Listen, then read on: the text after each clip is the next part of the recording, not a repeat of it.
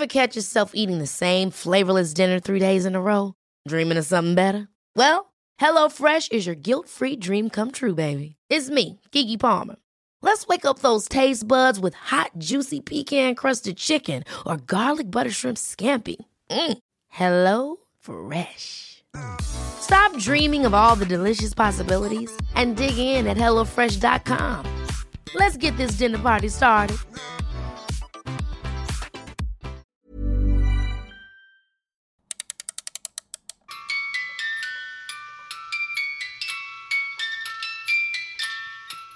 Du har allerede den nyeste carboncykel i garagen. Den mest spændstige lykra, du overhovedet kan stoppe i skufferne, masser af årgangsvin i dit perfekt tempererede vinkøleskab og det vildeste sous udstyr på Villavejen. Så måske er det nu, du skal ønske dig en julegave, der også er en gave til dit parforhold. Min nye bog, Handkøn, introducerer en ny livsfilosofi, både af fire grundlæggende værdier, ansvar, formål, behov og sårbarhed. I bogen får du håndgribelige værktøjer til dig, der ønsker at blive lidt klogere på dig selv og tage en mere bevidst rolle i dit eget liv og din relation. Handkøn er en håndbog, der prikker dig blidt på skulderen og venligt gør dig opmærksom på, at du som mand har langt større potentiale, end du måske gik og troede. Du kan købe Handkøn i boghandlere i hele landet eller på nettet, både som papir og e-bog. Og du kan naturligvis også få den som lydbog, indtalt af mig.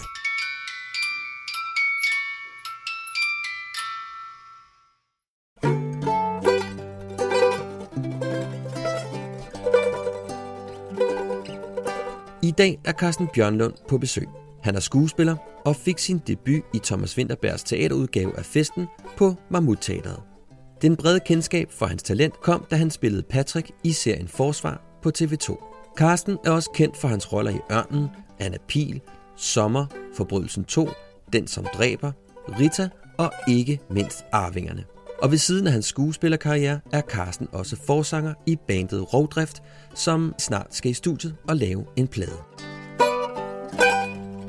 Jeg glæder mig meget til at tale med Carsten, for han er i min optik et godt eksempel på en moderne mand. Han står stærkt i egen akse, han har fået ryddet op i skeletterne i skabet, har adgang til sig selv og er ikke bange for at udtrykke, hvad der foregår inde i. Og så kan manden gro et seriøst skæg. I denne episode taler Carsten og jeg om det at mangle manderoller, om at opdage, at det ikke rigtig giver mening at råbe, og at man faktisk godt kan sige nej, og samtidig være ham, der trøster efter det afslag, man lige har givet.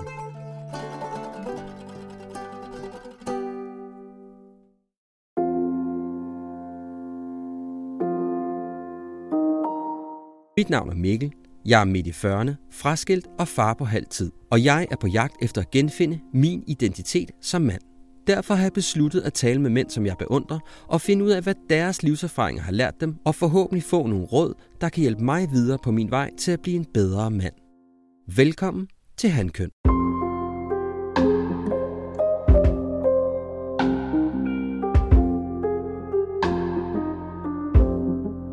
God formiddag, Carsten Bjørnlund. Og tak, fordi du havde lyst til at være med. Selv tak. Du har faktisk været på, en, på min liste et stykke tid over mænd, jeg rigtig gerne vil tale med. Okay. Så øh, det, er, det er min anerkendelse af dig her. Fedt, tak. Jeg tager imod. Hvad hedder det? Vi skal jo tale om fire værdier, som, som jeg nu har undersøgt igennem, igennem nogle år. Mm. Øh, som jeg mener er rigtig vigtige og meget vitale for en mand at have styr på. Mm-hmm. Og det er nogle værdier, som jeg også mener, man skal øve sig på resten af sit liv. Okay. Så det er ikke sådan, der er ikke rigtig nogen endestation. Det er sådan en konstant udvikling, som jeg ser det. Øh, de fire værdier, vi skal tale om i dag, det er jo nummer et, ansvar. Mm. Du skal tage ansvar for dit eget liv og tilstanden af dit parforhold. Det er den første. Aha. Så skal vi tale om formål. Du skal vide, hvad dit formål er. Mm-hmm. du sidder og griner lidt. øh, hvad Det er er, du lidt gerne... ligesom at være i skole. Ja, men det er det. Ja. Du bliver, det her det er en voldsom eksamen. Ja.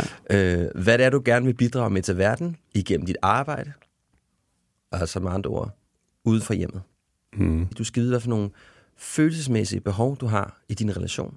Mm-hmm. Så du ikke tilsidesætter vigtige dele af dig selv. Mm-hmm. Og sidst, men absolut ikke mindst, du skal have adgang til din egen sårbarhed. Mm-hmm. Så det er de fire ting, jeg er meget nysgerrig på. Okay, ja. Altså jeg starter altid med at tale omkring ansvaret, fordi det er sådan tit den, der er den største. Altså det er tit den, som også på mange måder godt kan være lidt udefinerbar. Altså, Okay. hvad vil det sige? Og hvad vil det egentlig sige at tage ansvar for sig selv, og hvad vil det sige at tage ansvar for tilstanden af ens relation? Ikke? Ja. Fordi Altså ens relation eller relationer. primært over for dig selv, mm. og så over for din, for din, øh, for dit parforhold. Men, ja, Kan du følge mig lidt i Jeg kan sagtens følge dig Ja, ja, ja. der, hvor det koster noget, men jeg øh, vil bare påstå, at hvis man er i venskabsrelationer, Mhm. så kan du også komme i situationer, hvor man er nødt til at tage ansvar for relationen, Absolut. og at det koster noget. Absolut. Altså, Jeg det er ikke bare sådan lige, pøh, det gør vi lige. det, jeg har oplevet i mit liv, det er der, hvor jeg sådan synes det... Altså, jeg har helt klart også oplevet, hvad skal man sige, situationer, hvor... Øhm, altså i, i, i relationer med venner, hvor det har været svært. Mm. Eller hvor man sådan virkelig skulle tage en svær samtale. eller Ja, gøre hvis der er noget. misbrug indover, hvis der er forskellige ting. Ja, ikke? eller hvis man bare i virkeligheden bare er blevet pisseked af det, eller mm. hvis man synes, ens venskab begynder sådan at glide i en eller anden dårlig retning, eller hvad det mm. kan være. Derfor det har været svært for mig, det er der, hvor der sådan har været noget, ja. hvor jeg virkelig sådan skulle blotte mig selv på nogle måder. Det synes jeg faktisk også kan være rigtig svært over for venner. Ikke? Men, men, men, men jeg synes især, hvis man har ligesom en, en partner i livet, der kan det altså godt... Det synes jeg har, for mig har krævet lidt ekstra. Ja. Det, jeg synes, der er så interessant ved, ved ansvar, det er jo, at vi har jo meget sådan en klassisk måde at se ansvar på som mænd. Ikke? Altså, jeg er opdraget med en meget klassisk forståelse af, hvad vil det sige, hvad for ting skal jeg tage mig af i mit liv, og hvad Ja. for ting, ting skal jeg ikke tage mig af i mit liv ja. som måske ligger sådan lidt over mod det, jeg kalder sådan den, den lidt øh, uopdaterede, pissegule mandemanual, ikke? Altså, ja. ja. det er sådan lidt, du ved, du skal sørge for noget, du skal sørge for noget mad, og du skal sørge for, at der er tag over hovedet, og ja. øh, den, den type, ikke? Mm. Hvad, øhm, hvad er ansvar for dig? Hvis vi starter på den helt store klinge. Jamen, hvad er ansvar for mig? Altså, i relationer er ansvar jo at tage ansvar, mærkeligt nok, ikke? Mm. Altså, men, men du ved ligesom sige, okay, det er mine følelser, de her. Øh, og det kan godt være, at mine følelser øh, kommer til at påvirke den her situation. Det må jeg tage ansvar for. Øh, og hvor, hvor stor en andel af det er mine følelser, og hvor stor en andel af det er en, noget reelt, jeg oplever som værende et problem, eller en udfordring, eller sådan noget, ikke? Mm. Øh, så, så ansvar for mig er netop at turde kigge indad ikke? og sige, hov, okay, det, det, det var bare nogle følelser, det var bare noget, jeg øh, en automatreaktion, jeg havde, noget, nogle gamle plader, jeg spillede, øh, fordi sådan plejede jeg at gøre, eller sådan har jeg gjort, siden jeg var syv, eller fem, eller to. Så ansvar for mig er at se på sig selv, og finde ud af, hvor man bare er en gentagelse. Og så sige, Nå, men det vil jeg gerne blive ved med, eller det vil jeg ikke blive ved med. Når du sådan siger, at du går sådan ind og kigger på dig selv, Mm. hvad betyder det? Altså, hvad, hvad ligger der i det? Mm. Altså for mig, jeg har, jeg har jo, jo siger jeg som om, at det ved alle, men det ved ingen. Jeg har i mit liv ret tidligt opsøgt øh, det terapeutiske rum, altså i 20'erne. Hvorfor? fordi jeg øh, fandt ud af, at min relation til min mor ikke var så sund, som jeg troede, den var. Hvad, hvad, hvad betyder det? Jamen, jeg synes, jeg havde sådan et meget tæt forhold til min mor, og vi kunne tale om alt, og vi delte alt, og vi ringede sammen øh, hver dag, og nogle gange flere gange om dagen og sådan noget. Og så blev jeg opmærksom på, at det egentlig var et mønster, som jeg ikke havde bedt om. Altså, at det mere var noget, øh, hun havde skabt, Mm. og som jeg havde ligesom lavet mig trække med ind i selvfølgelig, men, men hun havde skabt det ud fra et behov, hun havde. Hvordan påvirkede det dig, øh, siden at du besluttede dig for terapi?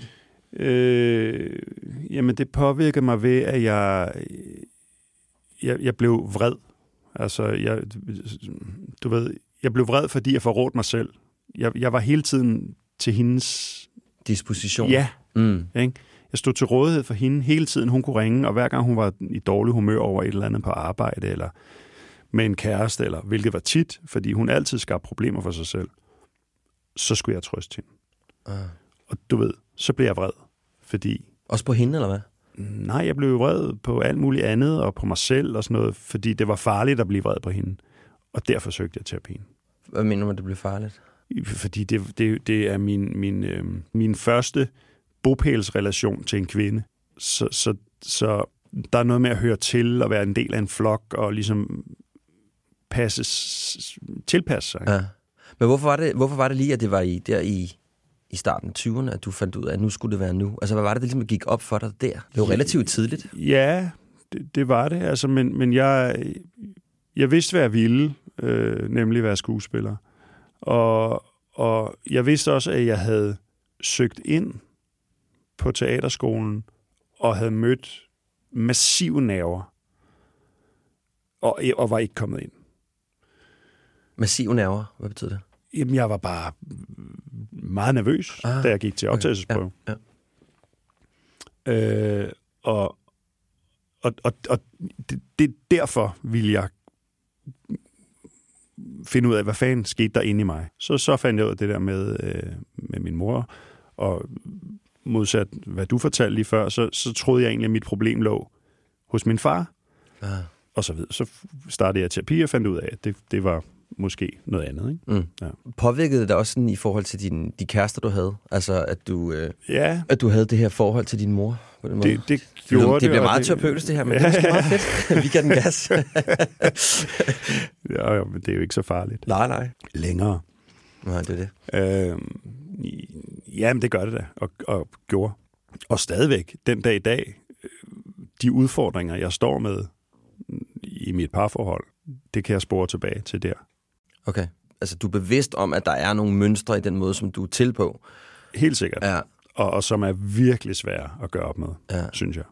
Jeg bliver simpelthen så nysgerrig. Hvad kunne det være for noget? Jamen, det er sådan noget med at, at samarbejde over evne, for eksempel. Altså at, at, at, at strække sig langt for den gode stemning. Også længere, end man egentlig har råd til. Ja. Så det vil sige, så hvis det er din, øh, din kone siger, øh, øh, kan du ikke gøre det her, og det her, og det her, plus det her, ja, ja. så siger du helt ja, ja. sikkert... Yes, yes ja. det gør jeg. Og, hvad skal, og så bliver du øh, en skidt version? Eller ja, du, så bliver jeg irritabel. Vressen, og vressen her. Ja, ja, ja. Ja. ja. det kan jeg godt kende, det der. Ja. Men man, sådan lige, man, man strækker sig lige tyndt nok, ikke? Det er det. Og, ja. det. og det, jeg har virkelig svært ved at få knækket den øh, tendens. Ja. Hvis du kigger på din, øh, din tidligere relation, hvordan havde dit ansvar det der? Altså man kan sige, du, selv, du starter jo tidligt med at gå i terapi. Ja. Så jeg tænker, at den, dit første, din første store altså mit, relation... Mit forliste ægteskab snakker du om?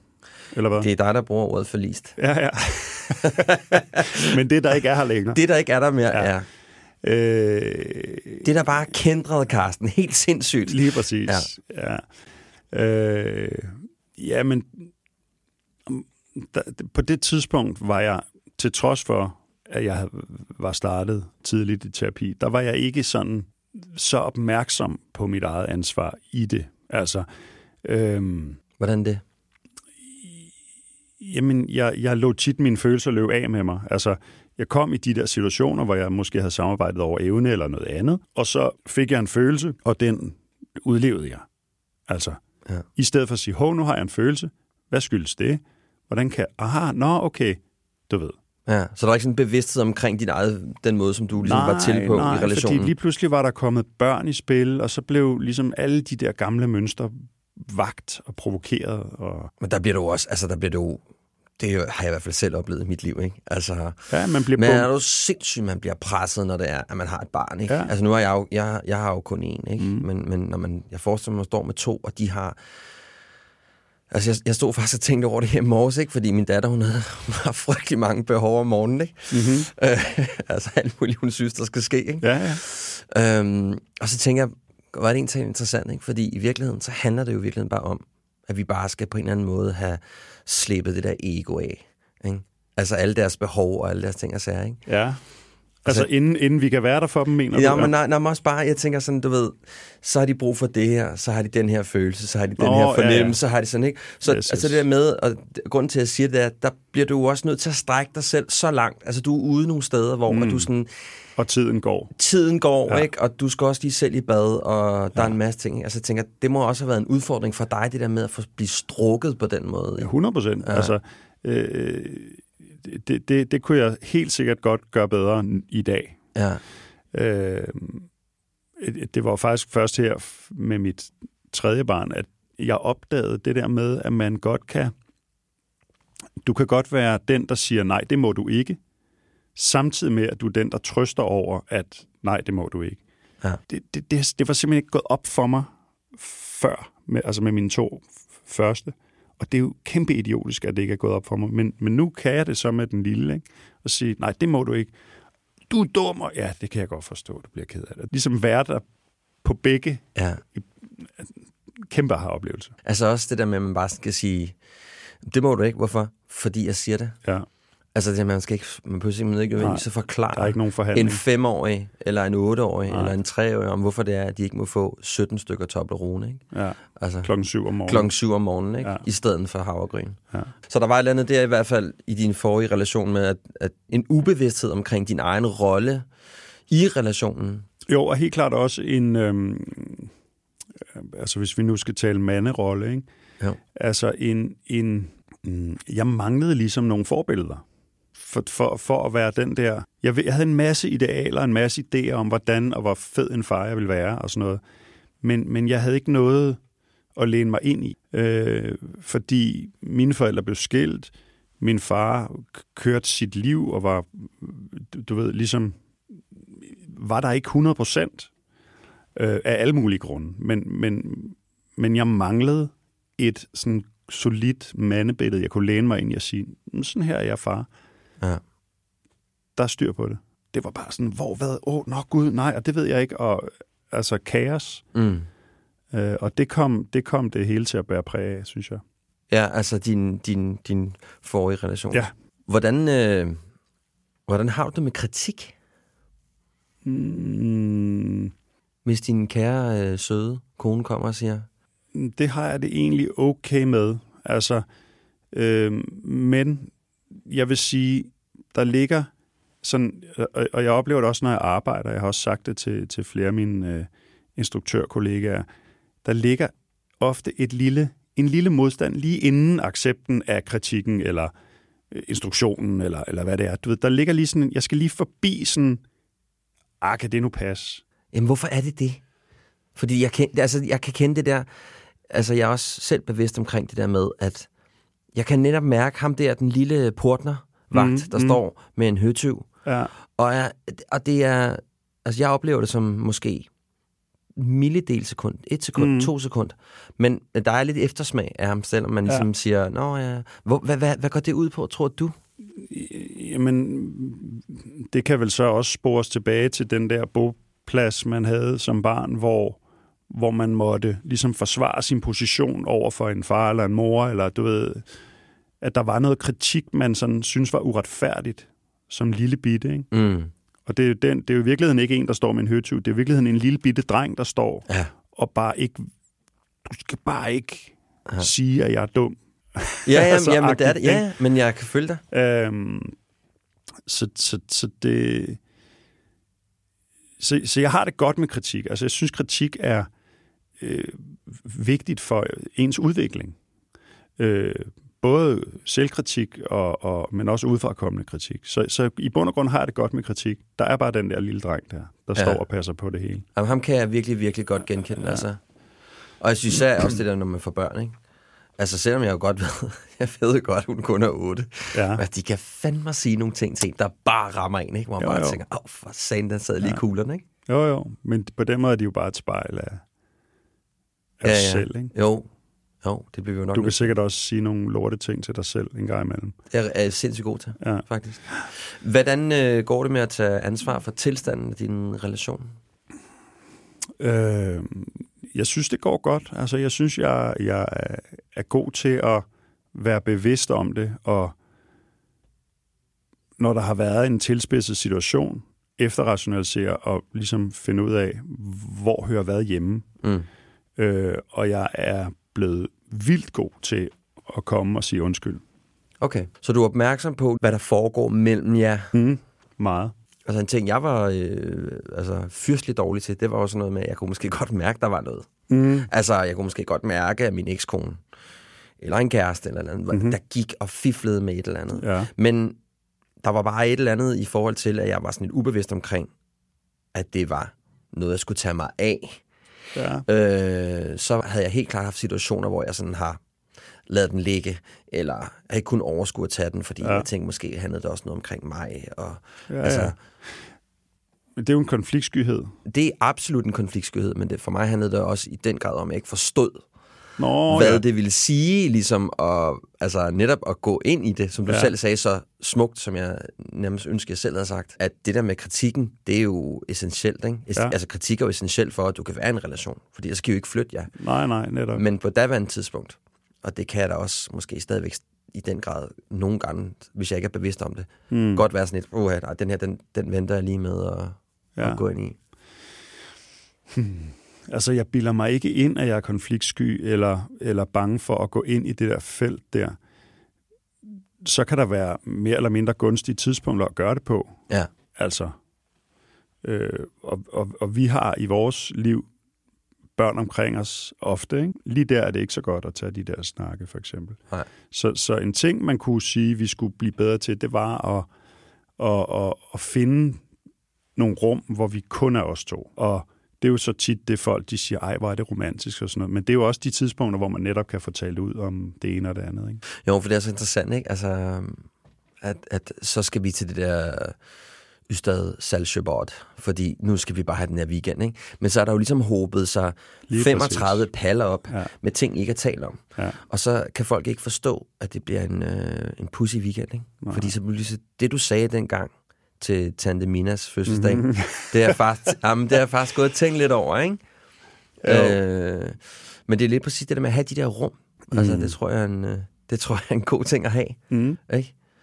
Altså, man ikke bare øh, lader, den, lader den sejle. Men, men det sidder jeg heroppe der, at det kan vi i hvert fald helt sikkert godt, og jeg kan også blive bedre til at initiere de der rum der. Ja, ja. ja.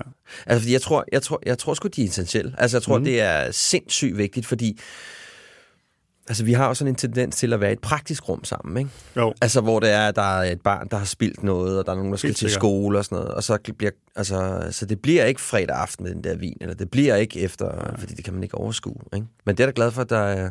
Det er i hvert fald den første aha-oplevelse, jeg får her på stedet. glad for.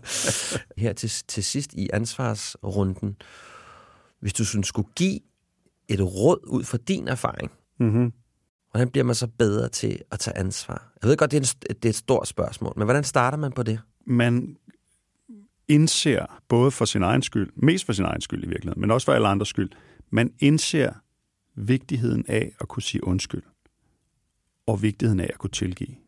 Ja. De to ting, når man, når man da, i hvert fald da jeg opdagede det, gud, jeg kan bare sige undskyld, eller, når jeg kan bare tilgive det. Ja og mene det. Og mene det, selvfølgelig. Ja, ja. Man sætter sig selv fri på et fuldstændig uhørt plan. Ja. Wow. Jeg tilgav det bare. Ja. Fedt.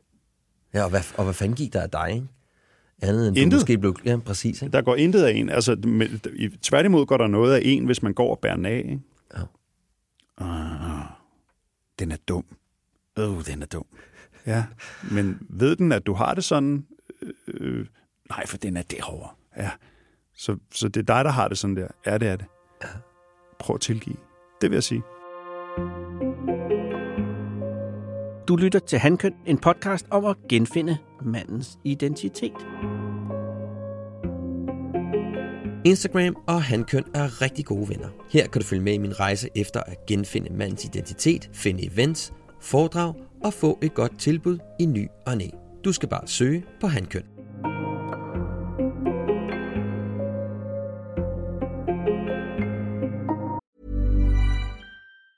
There's never been a faster or easier way to start your weight loss journey than with PlushCare.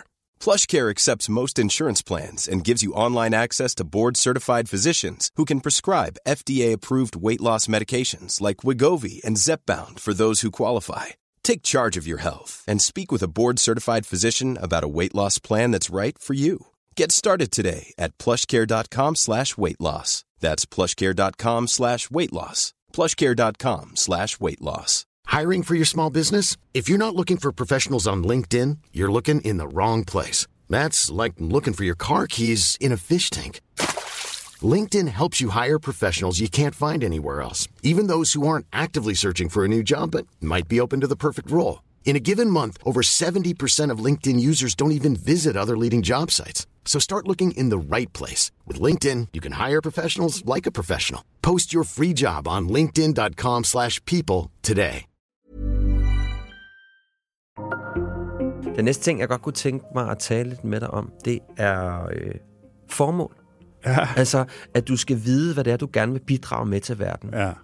Altså, det, og det, det, det er jo et formål, det er jo noget, der, er- der er større end dig selv. Det er noget, du gerne vil bidrage med til verden. Men mm. det, der også er vigtigt, som jeg også lige sagde lidt i starten, det er, at det er, det er ude fra hjemmets fire vægge. Altså, mm. jeg har oplevet øh, øh, flere sige, øh, jeg vil bare gerne være den bedste ægtemand, eller jeg vil bare gerne være den bedste far, hvor jeg siger, i min optik, det, det er det at tage ansvar i sit liv, fordi en ting er, at vi sidder og taler meget om det følelsesmæssige ansvar, om at jeg skal sgu kunne tage noget kritik og sige undskyld, men, men, men der er jo også noget helt grundlæggende i at tage ansvar for sine børn og sørge for, at de ikke bliver, øh, forhåbentlig ikke bliver kriminelle og, Ja, ja, og har nogenlunde øh, klippet negle og sådan noget. Ikke? Så det at have et formål, som jeg ser det, det er, det er ret vigtigt for et handkøn at have det. Har du øh, gjort dig nogle tanker om, hvad dit formål er? Har du defineret det for dig selv?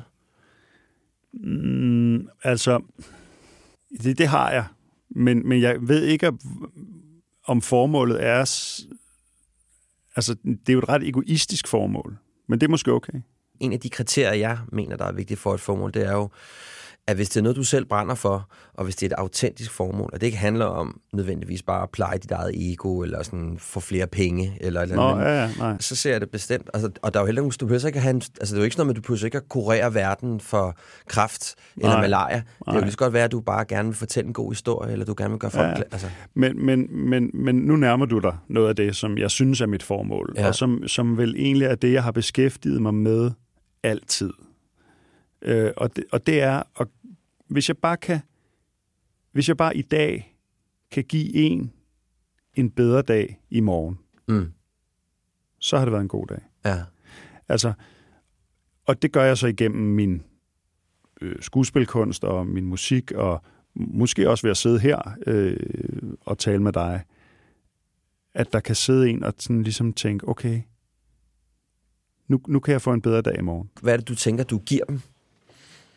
Øh, jamen jo et spejl af en eller anden art. Altså, øh, nu kan jeg ikke huske, om mikrofonerne var tændt eller ikke var tændt, da vi snakkede om det der med, at, at, at øh, det, det var dit formål med, og der var de nok ikke tændt, men dit formål Mm. med at gå ind i det her var også at give folk altså, øh, spejlet til... Øh, Altså, jeg taler om at genfinde mandens identitet. Ja, Ja, det er jo ligesom min helt, det er den store klinge, Lige ikke? præcis, Ja. øh, Så giv dem nogle indsigter måske på... Ja, ja. Byde på nogle, byde på nogle alternative måder at tænke ting på og, ja. Og se ting på. Det kræver jo også i virkeligheden, at du giver noget af dig selv, ikke? Jo, tænker jeg. Det gør du som jeg ser det i hvert fald også, meget som skuespiller, ikke? det prøver jeg i hvert fald. Ja, ja. Så det er sådan, det, det, det, det handler om. Ja, og gøre dagen i morgen bedre. Ja. Har du altid vidst, hvad du... Ja, Det her formål har du altid vidst? nej, jeg, formålet er noget, jeg har ligesom set øh, hen ad vejen. Altså, jeg har sådan analyseret bagud, ikke, og tænkt, hvad, hvad fanden, hvad er det, der driver mig ind i det her? Hvorfor? Øhm, og, og der har jeg så fundet ud af tidligt, men indset sent, at hvis jeg går ind i, i, i, i skuespilverdenen, så er det nemmere for mig at navigere derinde, end ude i IRL. Ja. Øhm, og, og, og hvis jeg kan finde nogle løsninger derinde, så må jeg også kunne give nogle løsninger ud af. Men hvad, hvad er det så i uh, en real life og i skuespillet, som gør, at du kan... Når jeg er inde i skuespillet, så, så har vi nogle aftaler, Ja, okay. og du ved, så gør vi sådan, men, men vi kan godt gå hen i nogle følelser, og vi kan, altså, men det hele er aftalt, så det er nemmere at være i, end hvis jeg er ude i det store kaotiske liv, hvor der ingen aftaler er, medmindre man decideret laver dem med, med venner eller partner, eller hvad det nu er. Ikke? Så du kan afsøge nogle kanter, og du kan være på nogle specifikke måder. Ja, det er mere trygt, fordi det er Ja. lukket. Det er aftalespil, Ja. om man så må sige. Ja. Har du altid vidst, at du gerne vil være... Ja, Har du altid vidst, at du gerne vil være skuespiller? ja, desværre. Hvorfor? hvorfor? Hvorfor desværre? Ja, men det er fordi, jeg synes altid, det er så spændende, når folk de har sådan nogle... Altså, øh, Jeg startede med at være skraldemand, og så ja, eller der, der er Salim, der startede med at være øh, jetjagerpilot, eller pilot i hvert fald, ikke? Altså, Ja. det er jo mega spændende, at han har været ude og opleve det der, før han... Laver det der. Ja, så, så jeg har haft alle mulige andre øh, jobs øh, undervejs for at finansiere mit liv og sådan noget, men, men, men det har ligesom været med det for øje hele ja. tiden. Men hvor, altså, jeg er bare nysgerrig på, hvordan det kan være, at du vidste det så tidligt. Jamen, jeg tror, det handler om det der. Jeg fik, jeg fik simpelthen i, i folkeskolen, fandt jeg ud af, når, når jeg stillede mig derop på scenen, Ja. så var det for det første, det var mit rum. Det var, det var mig, der havde magten. Jeg er her. Jeg bestemmer alt. Og så kommer man ud i livet, hvor alt er kaotisk, og alle vil bestemme, og du ved. Men lige her, ah, der kan jeg stå. Jamen, jeg synes, det er interessant. Det, jeg bed i hvert fald mærke i, at du sagde, der er også nogle klare spilleregler. Der er Mm. nogle klare rammer for, hvad det er, Mm. det her går ud på. Mm. Og det er der jo ikke super meget ude i den virkelige verden. Nej, det vil nogen nok synes, der er, men, men Ja, og jeg synes i hvert fald ikke. det er meget kaotisk. Ja, Jeg synes, det er meget kaotisk at lave. Ja. Tænker du, at du måske kunne la- lave noget andet? Altså, hvis du sagde til dig, øh, nu tager jeg dit, øh, dit skuespillerpas, Ja. kommer skuespillerministeriet og siger, slut. ja. Tog du så også min guitar? Nej, Nej, det gjorde jeg ikke. nej så, så det kunne jeg jo lave, for eksempel. Ja. Øhm, Ej, jeg tager aldrig din guitar, Carsten. nej, det er godt. men, men mit skuespillerpas, Ja, det vil du gerne dit se. skuespillerpas, men ikke Ja. dit guitarpas. Ja, altså, jeg, jeg synes, det er sjovt at lave musik, og, og det er også et sted, hvor jeg trives og, og har det godt. Mm. Øhm, men men skulle, skulle jeg sådan ned ad vejen finde på noget andet at lave, så, så er der jo mange måder, man kan give folk en bedre dag i morgen på. Ja. Altså, der er det terapeutiske rum, som jeg selv har haft glæde af, for eksempel. Øhm, Og det er jo det, jeg synes, der er så... Altså, det er også lige præcis... Øh, du rammer lidt øh, hovedet på sømmet, ikke? Mm. Fordi for mig, når der er, at du har et klart formål, så kan du jo faktisk veksle det til alt muligt andet. mm, Som du selv siger, jeg tror, at du vil være en ganske udmærket terapeut, for eksempel. ja, måske. Men det er det, at du har, du siger, at jeg vil bare gerne hjælpe folk til at få en bedre dag. Jeg vil gerne Mm. give dem en indsigt, gøre et eller andet, Ja, ja. For, måske vil den forløse et eller andet, øh, få dem til, og de kan spejle sig i dig. Du Lige- tillader... bare Lige få blikket op et sekund. Ikke? Ja. Hvad giver dig som mand at vide, øh, hvad dit formål er? Jamen, hvad giver det? Altså, det, det giver mig jo lysten til at stå op om morgenen, for eksempel. Ja. Øh, og, det, og det giver mig også en ro i øh, at, kunne, at kunne være i mit eget liv på en eller anden måde. Altså, øh, jeg er ikke hele tiden på jagt efter. Jeg er ikke, jeg er ikke utilfredsstillet. Det, det er jo også noget. Ikke Ja, det være. tænker jeg er vigtigt. Ja. Ja. Jeg tror, der er helt, helt klart, der er en, øh, en fordel i at finde sit formål ret hurtigt. Ja. Øh, og hvordan man gør det. Jeg var heldig, altså. Altså, jeg, jeg oplevede lidt, i virkeligheden måske bare den måde, jeg er kommet til det her, jeg laver nu. Altså, det, ved ikke, det kan være, at jeg sidder om fire år på en bænk og scroller og siger, se, hvad jeg kunne have blevet til. Men, men, men det, ved, det ved vi jo ikke noget om. Men, altså, men, men det, jeg oplever, det er, at når jeg kigger tilbage på, hvad jeg har lavet, så kan jeg jo se, at der er nogle tydelige sådan, ah, okay. Mm. For jeg lavede også sådan lidt en tilbage klogskabens klare øh, skær, ikke? Jo, jo. Øhm, og sige, okay, men jeg kan godt lide at kommunikere, jeg kan godt lide at gøre tingene. Altså det, som reklamebranchen går meget ud på, det er jo at tage noget, der er meget komplekst, mm. og så gøre det relativt simpelt. Ikke? Ja. Så kan man så de- debattere om, der er nogen, hvor, hvor godt det lykkes for alle. Men det er så en anden historie. Ikke? jo. Men hvis jeg kigger tilbage, så er det meget det, altså det med at sige, okay, men jeg har jo faktisk lavet nogle ting, der har gjort, at jeg er kommet hertil. Ja. Hvis jeg ikke havde lavet, hvis jeg ikke gået de veje, Hmm. så havde jeg ikke siddet her. Nej, nej. Altså, Men, og, det er jo, og det er jo også en væsentlig ting at huske, når livet byder en trods, det er, at det er også den trods, man har mødt undervejs, der har gjort, at man er den person, som man forhåbentlig sidder og er nogenlunde tilfreds med nu Ja, og her. præcis. Ja. Præcis. Fordi jeg kan da godt have forbandet mine forældre og alle mulige kvinder, jeg har mødt i mit liv, fordi øv og bøv og sådan noget. Men de har været med til at forme mig. Ja. Jeg, jeg, jeg, var, jeg var engang hos sådan en behandler, som fortalte mig om, om, om hans øh, guru. Øh, og det var så en, en, en kvinde, han havde mødt på et center i, i Indien, Mm. som havde været så ubehagelig over for ham. Så sagde han, hvordan kan hun være din guru? Jamen det kan hun, fordi hun, hun fik mig til at se på mig selv på en ny måde, og give mig nogle indsigter. Så selvom at hun kom og var ubehagelig over for mig, så affødte hun noget behageligt i mig. Ah. Og derfor havde han et billede af hende hængende i sin, øh, i sin praksis. Men det er sådan den der klassik, altså, what doesn't kill you makes you stronger, ikke? Lige præcis. Jeg er der sådan, der er der intet, jeg fortryder. Der er der ikke en eneste reklame, eller noget som helst, jeg har fortryder for den vej, jeg har gået. Nej. De dæmoner, man møder i sit liv, også kan være ens øh, guru, ja. i hvert fald.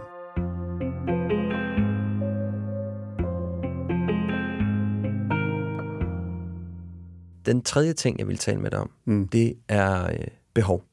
Ja. Du skal vide, hvad det er for nogle følelsesmæssige behov, du har brug for i din relation. Ja.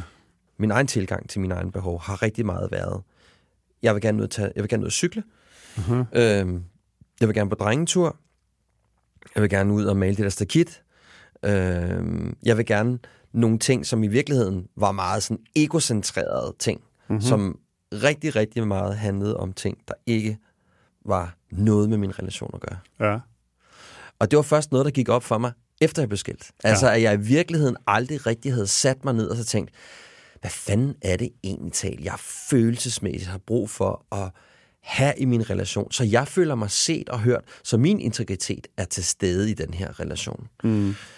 Og det fandt jeg desværre lidt sent ud af, kan man sige. Jeg, jeg tror ikke nødvendigvis, det var det, der var det, der gjorde, at bæret flød over.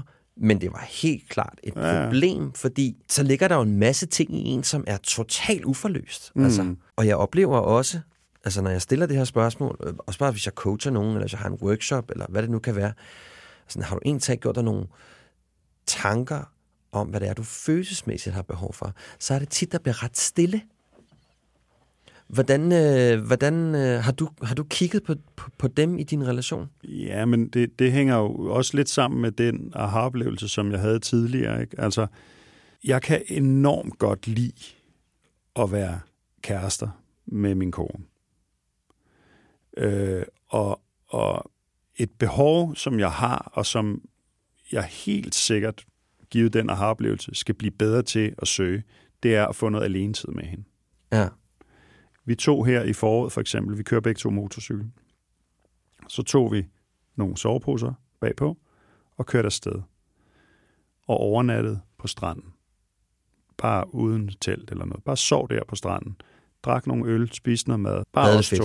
Ja. Ja. Og, og det var mega, mega optur. Ja. Og det er sådan noget, jeg har behov for i, i, i min relation. Hvad er der ind i det rum, som du har behov for? Mm, Det er en samhørighed, øh, tror jeg. Det, det, der er sådan en opfyldthed, altså sådan, ja, jeg ved ikke præcis, hvad det er, men altså, der er også en ro i det. Jeg kan læne mig ind i det på en måde, ikke? Altså, ah, vi ligger her på en strand, vi skal Mm. have lavet et bål, det er fedt, det knitrer. Ja. Du Også en ved- tryghed, ikke? Stor tryghed, tænker Jo, jeg. jo, og der er ikke nogen, og der er ikke nogen krav, altså fordi livet er fyldt med krav. Øh, og det er fedt nok, altså der er masser af krav, som er gode, og, og som er, jeg godt gider at løbe efter, men, men, men jeg har også behov for en gang imellem, at der er, er rum, hvor der ikke er nogen krav. Ja. Og det var det ikke der på den strand der. Der var ikke nogen krav. Mm. Der var det bare... Vi var, før vi fik vores, øhm, vores yngste, var vi en tur i Mexico, hvor det var helt det samme. Der havde vi, tror jeg, 10 dage eller sådan noget. Og vi, vi, vi, vi røg så langt ned i gear, så vi var ved at misse vores flyver hjem. Fordi vi troede, at, vi havde, at det var i morgen. Ikke? Ja. Wow. Ja, så vi sad der på stranden og havde lige bestilt en stor drink hver og sådan noget, og fandt ud af, what, vi skal sgu da ind og pakke nu, altså, som i lige nu, hvis vi skal nå den flyver. Og det var bare pissefedt at være i det der rum der, Ja. ja. hvor man Så det rum skal du dyrke noget Helt mere. sikkert. Helt sikkert. Ja. Altså nogle ting, jeg sådan er meget øh, op, optaget af, det er jo sådan noget med, hvordan vi taler sammen. Hvordan jeg bliver set som mand. Øhm, sådan nogle helt sådan nogle ting, som jeg gider ikke at jeg gider ikke at være i en relation, eller jeg gider ikke være i en diskussion, hvor vi råber. Nej. Altså, jeg, jeg, jeg kan simpelthen ikke høre, hvad du siger, når du råber af mig. Nej. Altså, sådan nogle, sådan noget, nogle måder, hvor du følelsesmæssigt sådan... Men er du selv god til at lade være med at råbe? Ja, det er blevet. Det er du blevet. Ja, er du sindssygt, jeg var god til at råbe. ja. Altså, før i tiden var det sådan noget med, hvis, hvis, der, hvis der bare blev raslet med noget, Mm-hmm. så øh, kom fanden op i mig, ikke? Jo. Fordi jeg jo bare var så pisse indineret over alt, hvad der foregik, ikke? Mm. når det handlede om noget kritik af mig, eller hvad det nu kunne have været. Ikke? Ja, jeg var sindssygt dygtig til at, altså, til at råbe. Ja. Det er jeg blevet rigtig, rigtig dygtig til ikke at blive. Mm. Jeg har oplevet for, åh, og det, det er et stykke tid siden, nu, nogle, nogle år siden, der havde jeg en kæreste, som var virkelig dygtig til at råbe. Ja. Altså, der var så meget frustration og ting og sager, som ikke havde noget med mig at gøre, det vidste jeg godt jo. Ja. Men, men, men jeg kunne slet ikke høre, hvad hun sagde. Ej. Altså, hun råbte så højt, så jeg blev fuldstændig, ikke sådan øh, fysisk øh, døv, men, men psykisk døv Ja, over hvad hun ja, sagde. Ikke? ja. Og der var sådan der, hvor der gik det op for mig. Hold kæft, mand, jeg har selv været så Ja. sindssygt dygtig til at sige, ja.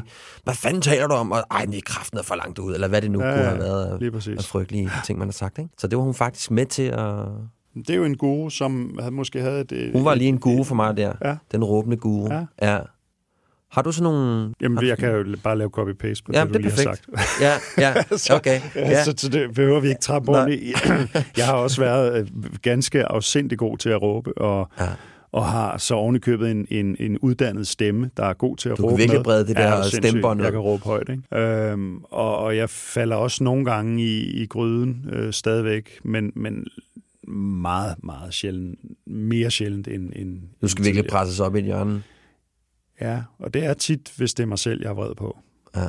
Fordi jeg har forrådt nogle værdier. ja. Integriteten har lige Ja, smuttet lidt. ja. Ja. Ja. Har du sådan tænkt over... Altså, ikke, det kan også godt være, at det er naturligt i den relation, du er i nu, men har du nogle måder, du har brug for at blive set på som en mand, for eksempel? Altså, er der noget, som din, du godt kan lide din kæreste gør, eller siger, eller... altså, vi skal- behøver ikke at tale sådan ned i det intime rum på den måde, men... men Nej, nej, sådan, men, men jeg, jeg vil sige, jeg, jeg går utrolig lidt op i det der med, at hun skal se på mig som en mand. Okay. Og, og, og det hænger sammen med, tror jeg, at jeg, jeg, jeg, jeg selv manglede ligesom de der... Jeg, jeg voksede op i 70'erne, hvor, hvor manderollen var meget til forhandling. Også der, ikke? Ja.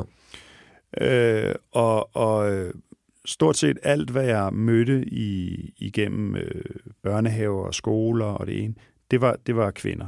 Ja. Øh, jeg havde få, sådan få mandlige pædagoger og lærere deroppe og sådan noget. Jeg havde fravær af en, en far derhjemme, det vil sige opdraget af min mor og hendes skiftende øh, partner. Ikke? Ja. Øh, så, så, så da jeg selv ramte der start 20'erne og skulle begynde at, at kigge indad og finde ud af, hvem er jeg og hvad vil jeg og sådan noget, så, så, så søgte jeg meget hen i sådan noget mande noget og, øh, og vikinger og alt det der, ikke? Altså, øh, så jeg har ligesom... Sådan for, for at komme ind og finde noget, noget maskulin i dig selv? Ja, eller? ja, ja, finde ud af, altså, at man, man bliver jo ofte skældt ud, når man er en dreng, der bliver hissig eller råber, eller er sådan det, man i gåsøjne kunne kalde noget, noget maskulint outlet, ikke? Jo.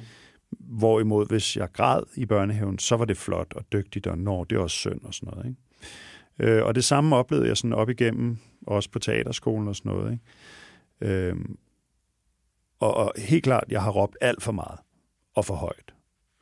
Men, men jeg er også altid blevet hammer kritiseret på det. Så derfor har jeg svært ved at finde, finde ligesom ud af, hvad er jeg så? Hvad er det for en mand, jeg er? Hvor, hvor kan man ligesom øh, stille sig? Ja. Øh, Så hvad fandt du ud af? ja, men jeg fandt jo ud af, at en, en mand ikke nødvendigvis er en råber eller en hisseprop for den sags skyld. Han kan også være en, der bare sidder stille og roligt og lytter. Øh, og Så gå ud og hugge et stykke brænde i stedet for, for måske? eksempel. For ja, eksempel. Eller træne? Eller... Ja, eller svømme. Eller, ja. Ja. Ja. Øhm, nå, men pointen er bare, at lige nu i min relation, Mm. går jeg ikke vildt meget op i det der. Jeg tror måske også for mig har det, har det også været, fordi jeg, det har helt klart været noget, som jeg synes, der manglede i min relation. Altså mit ægteskab. Altså jeg, jeg manglede det der med at føle, at jeg blev set. Jamen, det er jo en følelse, du har så, ikke? Absolut. Det er et behov, Okay. jeg har. Ja.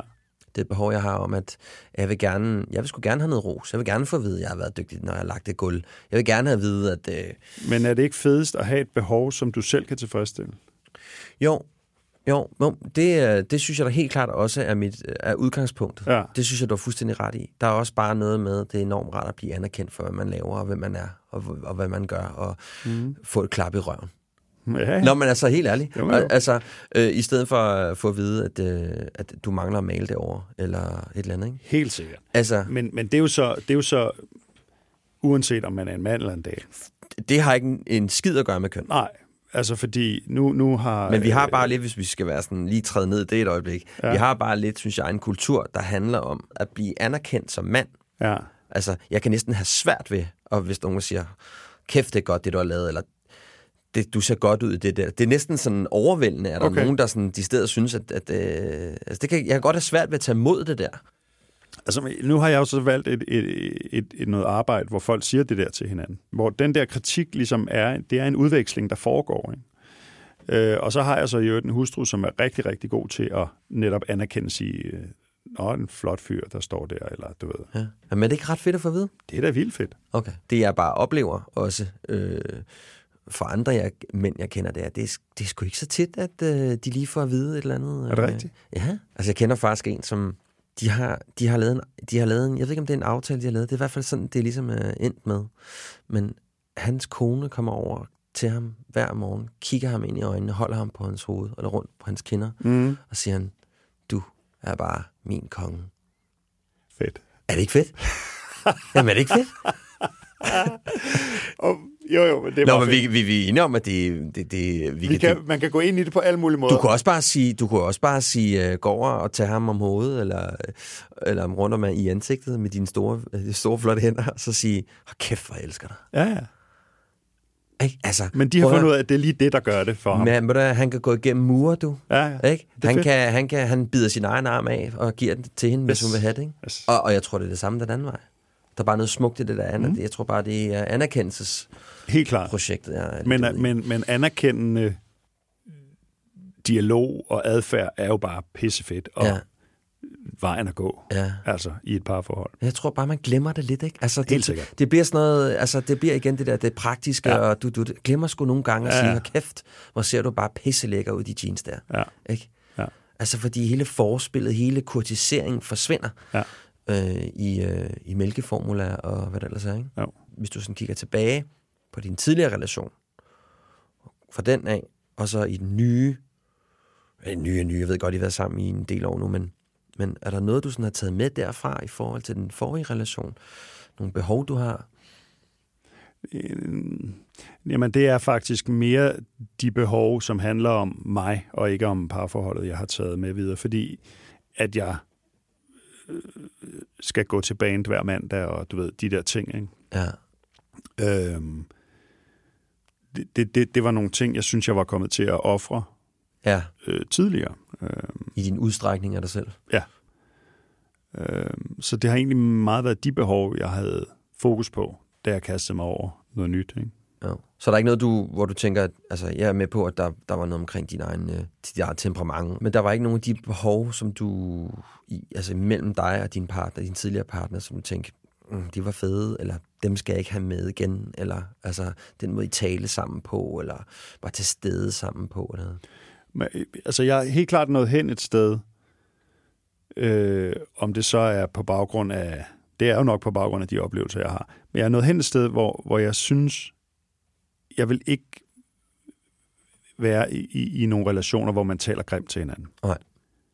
Det gider jeg simpelthen ikke. Nej. Ingen devaluering af hinanden. Nej. eller? Det, og det er jo også en klassiker, ikke? Altså, når man begynder at blive rigtig træt, ikke? Jo. Så begynder man virkelig at sige, at det er, virkelig, det er typisk dig, eller... Jamen, Det, altså, det, den der de grimme... ja, øh, den dogne Ja, kommunikation. ja, den dogne kommunikation. Det er godt sagt. Enig? Det, det, det gider jeg ikke. Nej.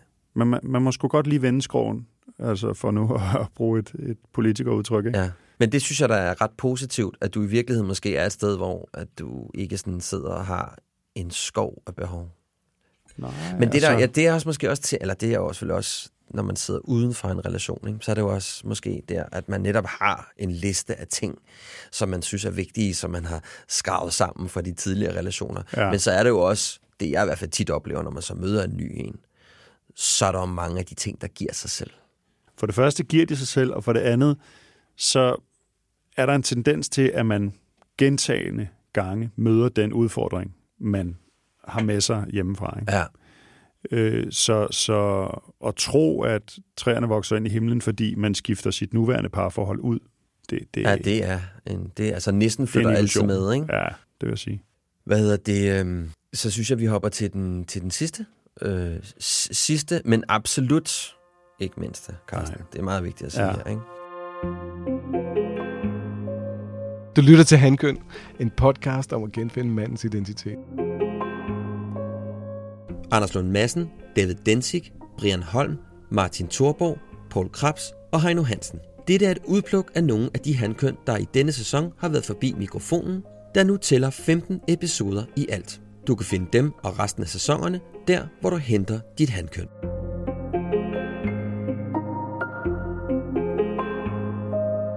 Sårbarheden. Ja. Der er jo en eller anden misforståelse omkring sårbarhed og mænd, ikke? Altså, øh, hvis jeg sådan kigger i det brede Ja. tæppe, det brede samfundskvilt, Ja. som vi har, øh, som vi begge to er en del af, ikke? Altså, at sårbarheden på en eller anden måde er pinlig, er femset, er øh, kikset, er ikke noget, man viser over for sin partner, man viser heller ikke over for sine venner. Øhm, og jeg har selv været i den grad en øh, ramt, hvis man bruger det, Mm, mm. af den kultur. Ikke? Altså, jeg var altså, mesterligt dårlig til at være sårbar i min tidligere relation. Altså, jeg synes selv, jeg var meget følsom, kunne mærke alting. Ja. Men, men i virkeligheden fandt jeg ud af, at altså, der var ligesom en stopklods. Altså, den gik, altså, elevatoren gik kun ned til første kælderetage. Ikke? Okay. Altså, så det var noget med, ja, ja, ja, jeg, jeg er bare rigtig ked af det, eller jeg er rigtig frustreret, eller øh, jeg er rigtig... Øh, øh, ja, hvad det nu kan være for en grundfølelse. Mm-hmm. Men, men altså, elevatoren kørte ikke længere ned. Altså, var ikke sådan, jeg vide, hvorfor? Mm-mm. Og det gjorde jo også, at det skabte jo en distance mellem min ekskone og jeg, fordi jeg kunne jo bare sige, at jeg var vred, men hvorfor fanden var du egentlig vred? Mm. Så ender det jo med, at jeg begyndte bare at råbe og skrige, eller sige, ja, skrue op for, for stemmebåndet. Ikke? Så, så det er heldigvis kommet lidt efter, synes jeg. Hvad, hvad, hvad er dit forhold til, til din egen sårbarhed? Jamen, øh, jo nok også lidt derhen ad, ikke? Altså, men, men jeg vil sige, nu er jeg nået hen så et sted til gengæld, hvor, hvor øh, jeg slet ikke har noget problem med den. Mm. Altså, øh, den, den er der bare som sådan en grundlæggende øh, Præmis. omstændighed i mit Ja. liv. Ja. Ja. Øhm, og, og jeg tror også, at jeg, øh, hvis jeg skal blive ved med at være god til det, jeg laver, skal være varsom med at lukke ned for den igen. Har den været lukket ned?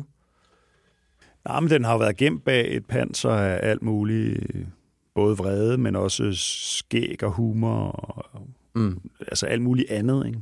Hvornår, hvornår øh, bliver du opmærksom på det, eller har det været sådan gradvist, at du har fundet den frem, eller Mm, Nej, men der sker jo noget, når man bliver skilt, og man pludselig så øh, ikke har sine børn ved sig hele tiden, for ja. Ja. eksempel. Det, det, det er jo et sted, hvor en sårbarhed ja, der kommer den virkelig frem, ikke? kan komme frem. Ja. Jo. Og det har den gjort for mig. Så det var i broet, du fandt frem til din... Ja, og efter tiden. ja. Jo, men det er jo kriserne, der, der altså det er jo dem, vi lærer af i, i alle henseender. Altså, det er jo også, jeg prøver virkelig at, at jeg ved ikke, hvad, hvad det er med, med børn, om det kommer hjemmefra, eller hvor det er, men, men det der med, at de, de søger hele tiden hen mod det fejlfri. Sådan, hvis hvis øh, min pige på fem år kommer til at sige et ord forkert, så, så, så, og man så siger, Nå, men mener du det eller det, eller sådan noget. Ja. Jamen, det var også det, jeg sagde. Ah. Altså, ikke at ville acceptere, at Nå, nå, er det det, det hedder? Okay. Altså, fordi i, at man begår en fejl, ligger der en læringsproces. Øh, Gud, det er interessant, det har jeg aldrig tænkt over. Det er da rigtigt. du, det... kan ikke, du kan ikke lære noget uden at begå fejl. Hvis du hele tiden laver ting rigtigt, Nå, men jeg tænker også bare det der med, det med børnene. Altså, det er enormt interessant, fordi det lægger da pludselig mærke til, at det er min datter gør det samme. ja, Det er, nej, nej, men det var også det, jeg mente. Ja. Det var også det, jeg sagde. ja, Men det var ikke det, du sagde. nej, det var ikke det, du det sagde. var overhovedet ikke det, du sagde, faktisk. Nej. Det var modsat det, du sagde. Ja. Ja. Og, og, og det er sådan, jeg prøver virkelig, nu er det svært med en femårig at prøve, men altså, jeg prøver også at, at, at, at med min 18-årige og min 13-årige at sige, at det er okay at lave fejl. Altså, bare søg hen imod fejlene. Ja. Fordi det er der, man lærer noget. Altså, det er jo faktisk en af mine behov. Det er jo, at jeg vil have lov til at lave fejl. Ja. Og det er ikke så meget, og det tror jeg i virkeligheden måske mere er et internt behov. Altså, du ved, sådan, jeg vil fandme have lov til at lave nogle fejl over for mig selv, og i mit liv, jeg laver, uden Ja. at få, for hatte, eller få på hattebullen, ikke? Jo, jo, men det er jo, der ligger jo også tilgivelsen lige der ja, i det, ikke? ja. Tilgiv dig selv, at du laver den fejl. For det gør vi jo hele Konstant, tiden. ja, hele tiden. Og ja. man, kan ikke, man kan ikke forsøge at leve et perfekt liv, så bliver man sindssyg. Mm. Mm-mm. Hvordan bruger du din sårbarhed i relation til din kone? Jamen, øh, der, det, det, der, så siger jeg, at jeg er ked af det. Jeg, Ja. bliver, jeg bliver ked af det, du siger der. Eller, altså, jeg prøver at undgå at gå hen i og sige, du skal kræfte med til, altså, men sige, jeg bliver sgu ked af, når du siger sådan der. Det, det bliver jeg virkelig ked af. Er du, er du god til at sætte flere ord på så? Eller er det nok? Mm, ja, jeg synes, jeg er udmærket til at sætte ord på det. Ja. F- fordi jeg kender mig selv ret godt efterhånden. Øh, Og hvordan har du det med, hvis hun kommer over og er sårbar for dig? Hvordan modtager du så det? Det har jeg det fint med. Altså, det, det er jo det sjove. Jeg, jeg, jeg er virkelig god til sårbare kvinder, når de, når de giver efter for sårbarheden, fordi på grund af min opvækst med min mor. Ikke? Mm. Men, men, men når de sådan prøver at projicere deres sårbarhed, altså når de bliver så det er jeg totalt allergisk overfor. Altså min, min terapeut sagde faktisk, du har jo decideret en allergi over for projektioner. Ja. ja, ja, Ja. ja. Jamen, det, kan, det kan jeg også... Øh, den, den må også ikke jeg tage. Ja, altså, hvis ja. de giver efter og kan være, jeg siger, jeg er fandme så ked af det, et eller andet. Cool, kom her. Læg dig her. Lad os øh, Lad os, lad os tale om det. tale om det, eller ikke tale om det. Bare vær her med det.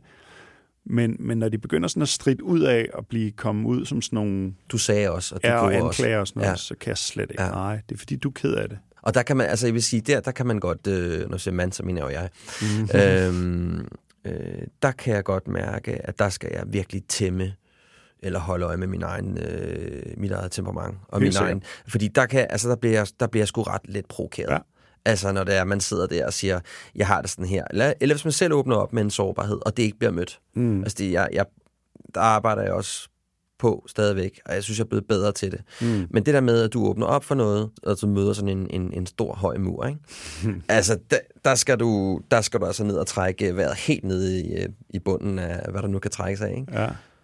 Jo, Er det noget, du kan kende? Jeg kan godt kende, altså, det der med ikke at blive mødt i sin, i sin åbning. Ja, Øhm, men, men der må man jo så tage ansvar. Der må jeg så tage ansvar for, når jeg har åbnet mig, den bliver ikke mødt. Okay, det, det kan jeg ikke tage ansvar for. Det var ærgerligt, at den ikke blev mødt. Og det må jeg så tage stilling til hen ad vejen. Men at tage ansvar for, at den, at den ikke, altså ikke bliver mødt, det, det, det gider jeg ikke. nej. Nej, det- nej, det gider jeg ikke. Hvad så over for dine øh, venner og familie? Og sådan? Har du også adgang til sårbarheden der? Er den lige, er den lige åben for alle? Jeg, det prøver, det, jeg prøver at holde den åben. Ja. hele vejen rundt. Øhm, altså hvis jeg oplever, ja, det er virkelig sjældent, synes jeg, jeg oplever, at en ven sårer mig. Mm. Men, men jeg prøver at være sådan ret direkte omkring det, når Ja. ja. det sker. Så siger du det som det er. Ja, det synes jeg. Hvordan, hvordan bliver det modtaget, når du gør det? Mm, Oplever du? Så for det meste godt. Altså de venner, som er ægte, Ja. der bliver det jo, altså, så kan det være, at man skræmmer nogen væk med sin åbenhed, men så var det måske heller ikke værd at samle på. Nej, det er lidt det, man kommer til at tænke, ikke? Ja. Altså, jeg bliver sådan lidt nysgerrig på, hvor bevidst du er om, at den er til stede i dig. Altså, hvor meget bruger du den? Hvor meget bondkammerat er den i dit liv? Jamen efterhånden mere og mere. Altså jeg har, jeg har virkelig været sådan, som du lagde op til, at sådan, ej, det var fandme ikke noget, og det skulle man ikke. Og, men, men det har været meget mod min egen natur, fordi jeg er helt ekstremt følsom. Øh, og på, på alle måder. Mm. Altså, øh, så at forsøge at bekæmpe det i mig selv, det har virkelig været en bjørntjeneste. Så du komme lidt ud i noget råberi og noget... Ja, men det er det, fordi så Ja. undertrykker du dig selv og dine egne behov, og så, så bliver man vred jo. Ja. Det er vel det, der hedder narcissistisk vrede, hvis man skal Ja. bruge de termer. Ja, ja. Et, et råd her på falderæbet om, om den sårbarhed til, til andre? Ja, det er jo de små spørgsmål, du får ligesom sådan, eksisterer Gud, eller Ja, hvad er formlen på et lykkeligt liv? det er sådan der, vi er, ikke? Men jo, altså, jo, jo. Nå, men Men jeg har altså- sådan selv tænkt over det, ikke? Jeg skriver også lidt om min bog selvfølgelig, ikke? Men. Mm. men hvor fanden starter man henne med den der sårbarhed? Jamen, det, det, det første, man må indse, er, at sårbarhed ikke er en svaghed. Mm. Øh, det, det vil til enhver tid styrke de relationer, man, man ønsker sig i sit liv. Hvis du kan vise sårbarhed over for dine børn, over for din hustru, øh, ægtemand, partner, øh, venner, arbejdsgiver, kollega, altså alle steder. Jeg kan ikke få øje på nogen steder, hvor det, at du tør blotte dig, øh, vil, vil, Er noget vil lort. være svagt. I poker måske. Ja, det er så et sted, ikke? Poker og bandy. Jeg ved det ikke. Bandy. Ja. Jeg tror du, sårbarheden giver adgang til rent, sådan, hvis man går ned og kigger i ens følelsesliv? Altså, hvad, hvad, hvad, hvad, hvis det er, jeg som mand vælger at sige, okay, nu tager jeg fandme fat om den der sårbarhed. Hvad, hvad, hvad giver den så adgang til? I din optik? Øh, jamen et rigere liv. Altså et liv, som, som, som ikke bare ligger lige foran dig, øh, stanset i granit. Så går jeg derhen, så går jeg derhen, nu går jeg derover, nu tager jeg det skridt. Men du kan ligesom også blive sådan, oh shit, hvad sker der her? Nej, nu står jeg her. Gud, jeg kan gå den vej. Jeg kan gå, altså, Altså en større fleksibilitet? ja, på en måde. Ja. Jeg tænker også noget som altså, empati, ikke? Altså, det giver jo også Jo, jo, adgang til en, ja. ja. Til, til, til en større forståelse af, af ens, jamen, også ens kone, øh, ens kæreste, ens venner. Altså, at man ligesom tillader det, ikke? At det ikke bare bliver en... Øh, altså, da jeg var dreng, så var det sådan, at min far sagde til mig, øh, hold op med at skabe dig, ikke? Mm. Altså, Ja, lad være med at skabe dig, ja. ikke? Altså, det Når du ikke, havde en følelse. Ja, jeg skulle skal fandme ikke komme her med din... Altså, jeg ved, prøv at, jeg ved jo godt, det handlede jo ikke om, at han ville være et svin over for mig. Nej, nej. Det, det var jo bare sådan, øh, Sådan var vores opdraget. fædre Ja, ja. opdraget. Ja. Ja. Jamen, Carsten, øh, det, har, det har været mega hyggeligt, synes jeg. Mm, bestemt. Øh, så tusind tak, fordi du gad at, at komme ind og tale lidt med mig. Tak fordi du gad have mig. Altid, Carsten. Fedt.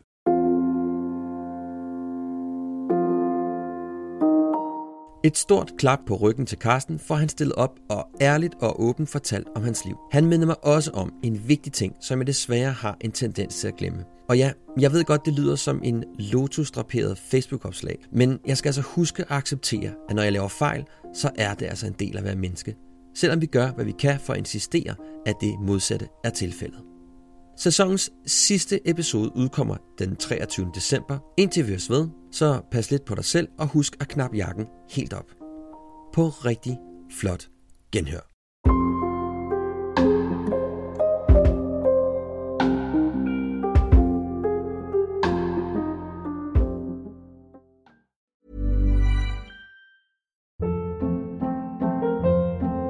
Hold up. What was that? Boring. No flavor. That was as bad as those leftovers you ate all week. Kiki Palmer here, and it's time to say hello to something fresh and guilt-free. Hello Fresh. Jazz up dinner with pecan-crusted chicken or garlic butter shrimp scampi. Now that's music to my mouth. Hello Fresh. Let's get this dinner party started. Discover all the delicious possibilities at hellofresh.com.